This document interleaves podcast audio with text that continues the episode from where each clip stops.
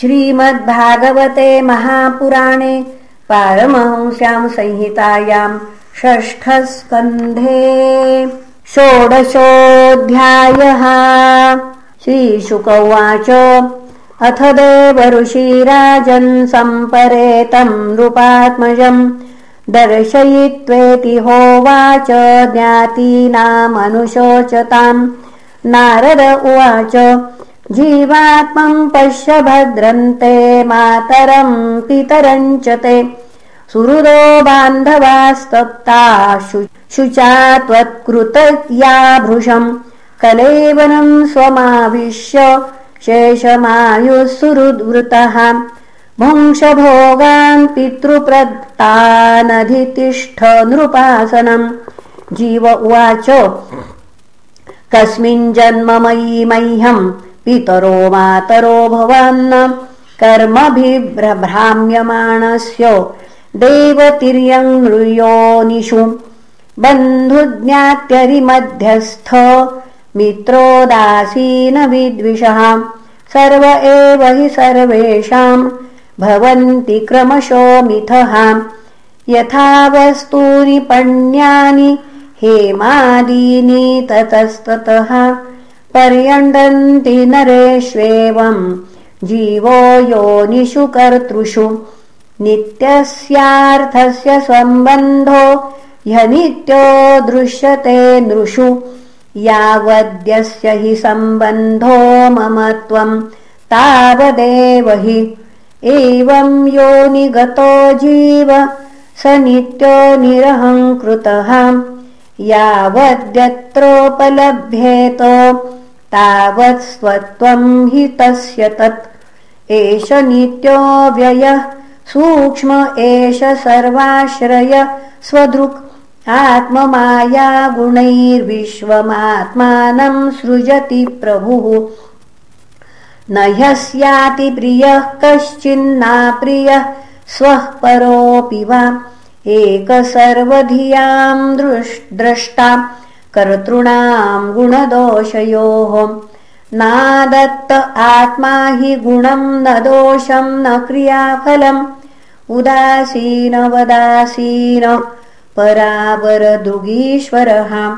श्रीशुक उवाच इत्युदीर्यगतो जीवो ज्ञातयस्तस्य ते तदा।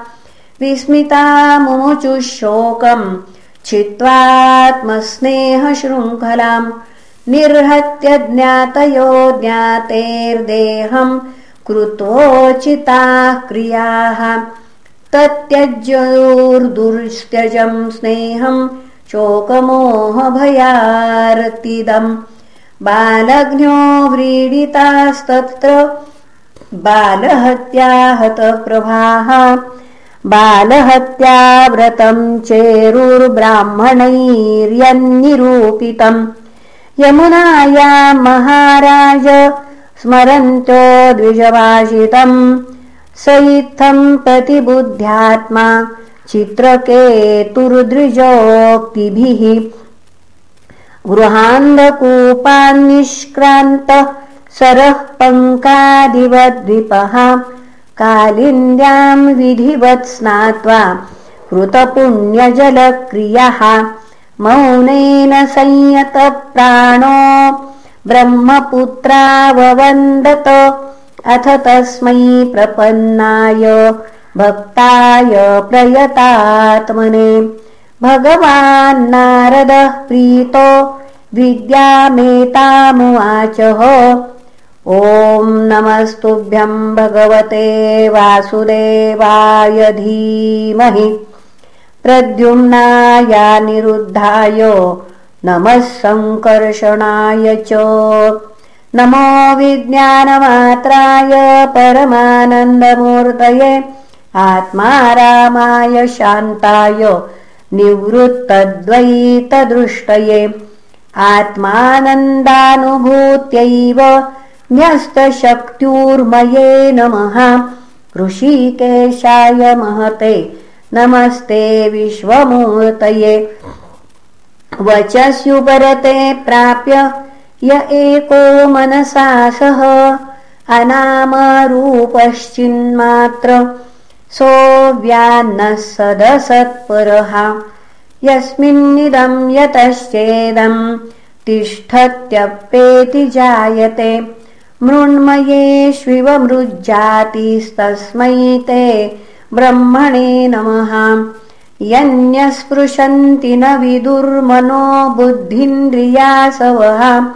अन्तर्बहिश्च विततम् व्योमवत्तनतोऽस्म्यहम् देहेन्द्रियप्राणमनोधियोमि।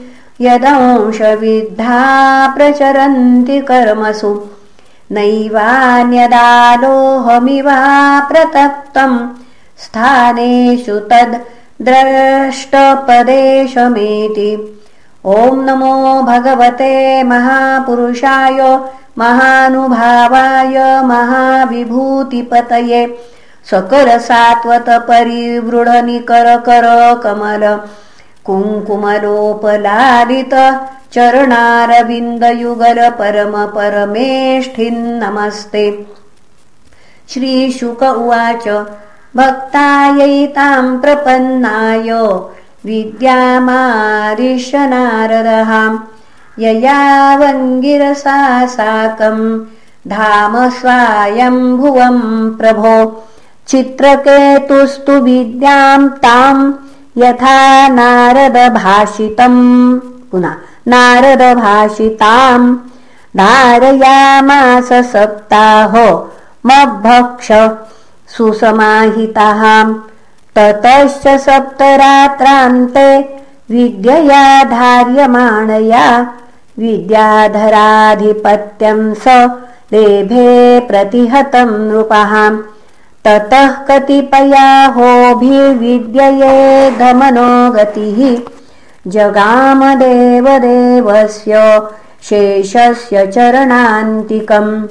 मृणालगौरम् शितिवाससंस्फुरत् किरीटकेयूरकटित्रकङ्कणम् प्रसन्नवक्त्रारुणलोचनम् वृतम् ददर्श सिद्धेश्वरमण्डलैः प्रभुम्। तद्दर्शनध्वस्तसमस्तकिल्बिष स्वच्छामलान्तःकरणोऽभ्ययान्मुनिः प्रवृद्धभक्त्या प्रणयाश्रुलोचन। प्ररुष्टरोमानमदादिपूरुषम् स उत्तमश्लोकपदाब्जविष्ठरम् प्रेमाश्रुलेशैरुपमेहयन्मुहुः। प्रेमोपरुद्धाखिलवर्णनिर्ममुगमो नैवाशकत्तम् प्रसमीडितुम् चिरम्। ततः प्रसमाधाय मनोमनीषया बभाष। एतत्प्रतिलब्धवागसौ नियम्य सर्वेन्द्रियबाह्यमर्दनम् जगद्गुरुम् सात्वतशास्त्रविग्रहम्। चित्रकेतुरुवाच अजितजितः सममतिभिः साधुभिर्भवान् जितात्मभिर्भवताम्। विजितास्तेऽपि च भजतामकामात्मनां य आत्मदोतिकरुणः तव विभवः खलु भगवन् जगदुदयस्थितिलयादीनि। विश्वसृजस्तेषांशास्तत्र मृषा स्पर्धन्ते पृथगभिमत्या परमाणुपरममहतो स्वमाद्यन्तान्तरवर्तित्रयविधुरः आदावन्तेऽपि च सत्त्वानाम् यद्ध्रुवम् तदेवान्तरालेऽपि क्षित्यादिभिरेष किलावृतः सप्तभिर्दशगुणोत्तरैराण्डकोशः।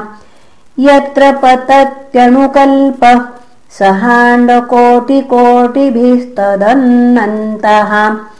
विषयतृशो नरपशवो य उपासते विभूतिर्न परम् त्वाम् तेषामाशिष ईश तदनु विनश्यन्ति यथा राजकुलम् कामधियत्स्त्वयि द्रचितान परमरोहन्ति यथा करम्भबीजानि ज्ञानात्मन्यगुणमये गुणगणतोऽस्य द्वन्द्वजालानि जितमजित तदा भवता यदाहो भागवतम् धर्ममनवद्यम् निष्किञ्चनाये मुनय आत्मा राम।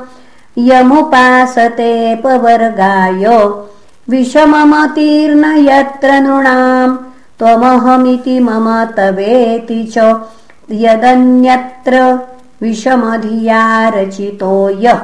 स ह्यविशुद्ध क्षयिष्णुरधर्मबहुलः कक्षेमो निजपरयो कियानर्थ स्वपरद्रुहाधर्मेण स्वद्रोहात् तव कोपः परसम्पीडया च यथा धर्मः न व्यभिचरति तवेक्षाम् यया ह्यभिहितो भागवतो धर्मः शिरचरसत्त्वकदम्बेष्व पृथग्धियोऽयमुपासते त्वार्याः।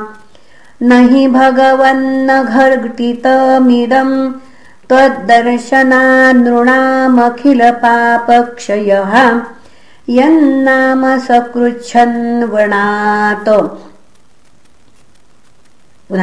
यन्नाम सकृच्छ्रवणात् पुलकसकोऽपि विमुच्यते संसारात्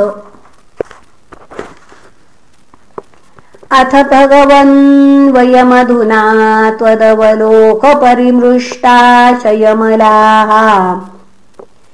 सुरऋषिणा यदुदितम् तावकेन कथमन्यथा भवति। विदितमनन्तसमस्तम् तव जगदात्मनो जनैरिहाचरितम् विज्ञाप्यम् परमगुरोः कियदिव सवितुरिव सख खद्योतैः। नमस्तुभ्यम् भगवते सकलजगस्थितिलयोदयेशाय। दुरवसितात्मगतये कुयोगिनाम्भिदा परमहंसाय। यम् वै श्वसन्तमनुविश्वसृजश्वसन्ति यम् चेकितानमनुचित्तय उच्चकन्ति भूमण्डलम् सर्षपायति यस्य मूर्ध्नि तस्मै नमो भगवतेस्तु सहस्रमूर्ध्ने श्रीशुक उवाच। संस्थितो भगवानेव मनन्तस्तमभाषत। विद्याधरपतिम् प्रीतश्चित्रकेतुम् कुरुद्वः। श्रीभगवानुवाच यन्नारदाङ्गिरोभ्याम् ते व्याहृतम् मेऽनुशासनम् संसिद्धोऽसितया राजन् विद्यया दर्शनाच्च मे। अहम् वै सर्वभूतानि भूतात्मा भूतभावना। शब्दब्रह्म परम् ब्रह्म ममोभे शाश्वती तनु। लोके विततमात्मानम् लोकम् चात्मनि सन्ततम्। उभयम् च मया व्याप्तम् मयि चैवोभयम् कृतम्। यथा सुषुप्तः पुरुषो विश्वम् पश्यति चात्मनि। आत्मानमेकदेशस्थम् मन्यते स्वप्न उत्थितः। एवम् जागरणादीनि जीवस्थानानि चात्मनः मायामात्राणि विज्ञाय तद्द्रष्टारम् परम् स्मरेतुम्। येन प्रसुप्तः पुरुष स्वापम् वेदात्मनस्तदा। सुखम् च निर्गुणम् ब्रह्म तमात्मानमवेहि माम्।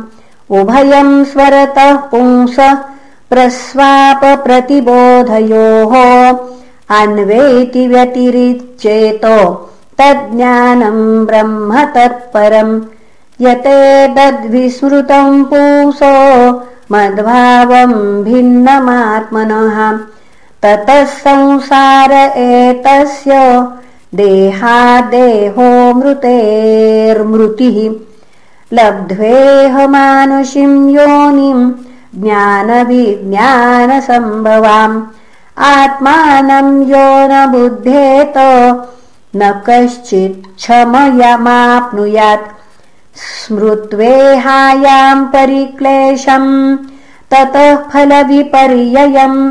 अभयम् चाप्यनीहायाम् सङ्कल्पाद्विरमेत्कविः सुखाय दुःखमोक्षाय कुर्वाते दम्पतीक्रियाः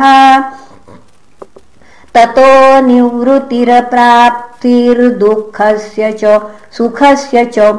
एवम् विपर्ययम् बुद्ध्वा नृणाम् विज्ञाभिमानिनाम्। आत्मनश्च गतिम् सूक्ष्माम् स्थानत्रयविलक्षणाम्। दृष्टश्रुताभिर्मात्राभिर्निर्मुक्त स्वेन तेजसा ज्ञानविज्ञानसन्तुष्टो मद्भक्तः पुरुषो भवेत् एतावानेव मनुजैर्योगनैपुणबुद्धिभिः स्वार्थः सर्वात्मना ज्ञेयो यत्परात्मैकदर्शनम्। तमेतच्छ्रद्धया राजन्न प्रमत्तो वचो मम। ज्ञानविज्ञानसम्पन्नो धारयन्नाशु सिद्ध्यसि श्रीशुक उवाच आश्वास्य भगवानित्थम् चित्रकेतुम् जगद्गुरुः। पश्यतस्तस्य विश्वात्मा ततश्चान्तर्दधे हरिः। इति श्रीमद्भागवते महापुराणे पारमहंस्याम् संहितायाम् षष्ठस्कन्धे चित्रकेतोः परमात्मदर्शनम् नाम षोडशोऽध्यायः श्रीकृष्णार्पणमस्तु। हरये नमः हरये नमः हरये नमः